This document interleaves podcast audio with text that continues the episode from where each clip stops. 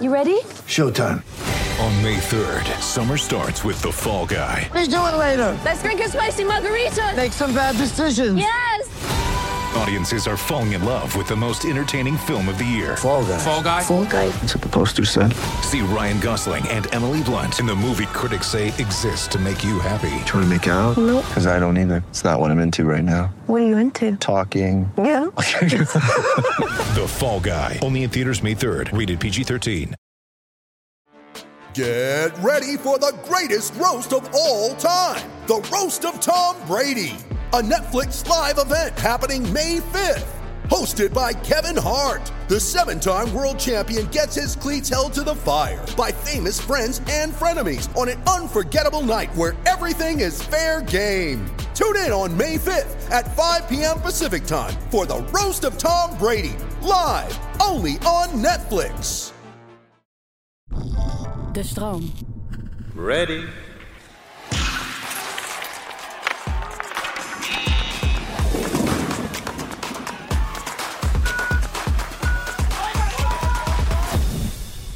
Je luistert weer naar een nieuwe warming-up van de Olympische Winterspelen. Ik ben Hubert Totan. Dag 10 alweer van de Spelen. Zondag 13 februari 2022. En vandaag speciale aandacht voor een wintersport waarvan het toernooi in volle gang is. Het is een, echt een geweldige sport. Uh, het is ook misschien wel de meest spectaculaire vorm van het o zo populaire schaatsen. En dan heb ik het over short track. En dat is een discipline waar we de laatste edities van de Spelen echt flink terrein hebben gewonnen. Sterker nog, we zijn uitgegroeid tot een land waar iedereen rekening mee houdt als de belangrijkste uitdager. En dan hebben we natuurlijk ook nog de koningin van het shorttrack in huis, Susanne Schulting. Wat een sportvrouw. Nog even voor de zekerheid, want jullie weten natuurlijk allemaal, jullie zijn liefhebbers. De basics, toch maar. Het shorttrack is zoals de naam al zegt een vorm van schaatsen op een shorter track dan bij het lange baan schaatsen. Maar er zijn nog meer verschillen. Laten we het even vergelijken met dat uh, schaatsen. Nou, de baan is dus een stuk minder ovaal. Het is meer rond bijna. En het gaat hier niet zozeer om de snelste tijden, maar gewoon om wie er als eerste met zijn schaats over de finish glijdt. Ook zijn er niet twee, maar vier, vijf of zelfs zes schaatsers tegelijk in de baan. En speelt dus behendigheid een heel grote rol. En ook een beetje geluk. Maar er is nog één ander groot verschil. Tactiek in zo'n short track race. Dat speelt ook een grotere rol. En een verhaal wat ik nu ga vertellen, dat gaat vooral over tactiek. En dan ook nog eens dat toepassen op het juiste moment.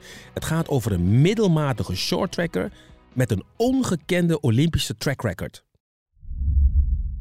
Het is het verhaal van een Australische shorttracker. En het is een beetje een anti-held, een beetje zoals Eddie the Eagle, zoals ik dat gisteren vertelde. En daar praat ik over begin jaren 90 in Australië. En daar is men op dat moment met heel veel zaken bezig, maar absoluut niet met winterspelen en ook niet met short track. Sterker nog, wintersport in Australië heeft eigenlijk helemaal geen voorrang gehad en ook nooit medailles gewonnen. Ze waren daar echt vooral bezig met de zomerspelen. En dan is er toch één man die daar toch anders over denkt. Je hebt altijd die ene man of vrouw nodig die anders denkt. Hij vindt dat er verandering moet komen in die Australische kijk op de winterspelen. En zijn naam, en de sportfreaks weten het meteen al, Stephen Bradbury. En die Stephen Bradbury gaat in 1992 naar de winterspelen van Albertville als een echte toerist, maar ook als een pionier. And Stephen Bradbury, that man right there, skating for his place in Australian sporting immortality. Hij treedt daar ook op die manier aan. In een vreemd geel pak met een lange paardenstaart onder zijn helm. En Steven speelt absoluut geen rol van betekenis, maar hij was daar. Twee jaar later probeert hij het opnieuw bij de Spelen in Lillehammer. Ja, twee jaar later. 1992 was namelijk het laatste jaar waarin de winter- en zomerspelen in hetzelfde jaar vielen. Vanaf 94 zijn we begonnen met de volgorde die we nu nog steeds kennen. Om de twee jaar winter- of zomerspelen. Oké, terug naar Bradbury. Terug naar Noorwegen, Lillehammer. Want op die spelen krijgt hij drie andere Australiërs ook zo gek om met hem mee te gaan. Met het shorttrack. En dat gaat goed. Ze halen samen de finale van de aflossing. En dat gaat ook goed.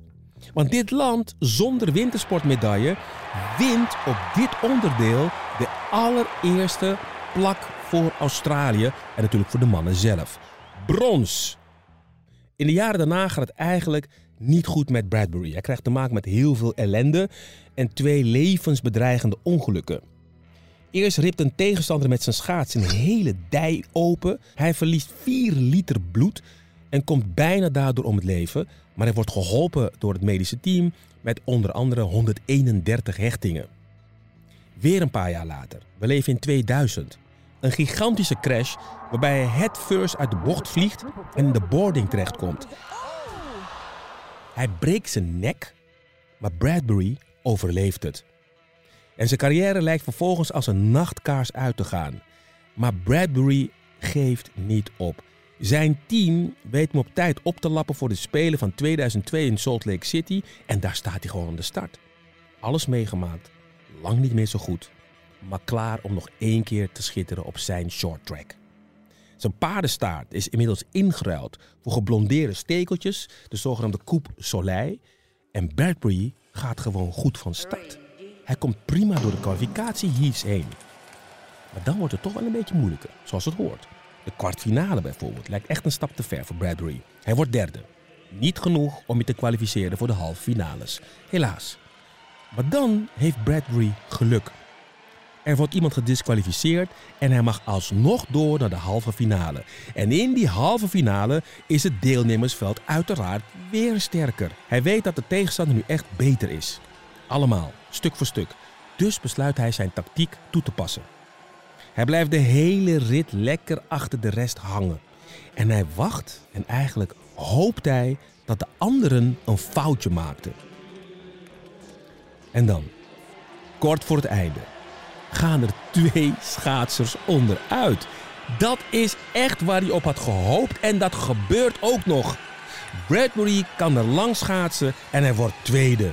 En zo plaatst hij zich voor de finale. En in die finale heeft hij de sterkste tegenstanders die hij zich maar kan wensen. En heeft hij natuurlijk geleerd van die halve finale tactiek. Die past hij in de finale nog een keer toe. Lekker hangen achterin en hoop op een valpartij. En wie weet. Er volgt een spannende race in de voorhoede. Bradbury hangt er heel ver achter, maar echt heel ver. Je hebt een verrekijker nodig om hem te vinden. En het lijkt alsof hij ze echt niet kan bijhouden. En dan zitten we in de laatste ronde. En wat gebeurt daar? Laatste ronde, laatste bocht, paar meter voor de finishlijn. Ik zou zeggen, google het, bekijk het, kijk het terug. Iedereen botst op elkaar, een echte kettingbotsing op de baan. And Ono, here's the bell. One lap for gold. He's reaching back for one more gear. Trying to hold up Lee. They bump. They bump. Steven oh, total wipeout. And Bradbury wins. Stephen Bradbury of Australia. Iedereen botst op elkaar. Een echte kettingbotsing op de baan. Ze nemen elkaar allemaal mee in hun val. En vliegen keihard de muur in. En Bradbury, die man die heel ver achter hing, die schaatst fluitend nogmaals voorbij. En hij wint goud. Een gouden plak voor Australië, maar vooral een gouden plak voor Stephen Bradbury. Zijn tactiek is goud waard. Achteraf is hij realistisch over zijn titel. Hij zit in de kleedkamer en vraagt zich af of hij eigenlijk wel mag juichen.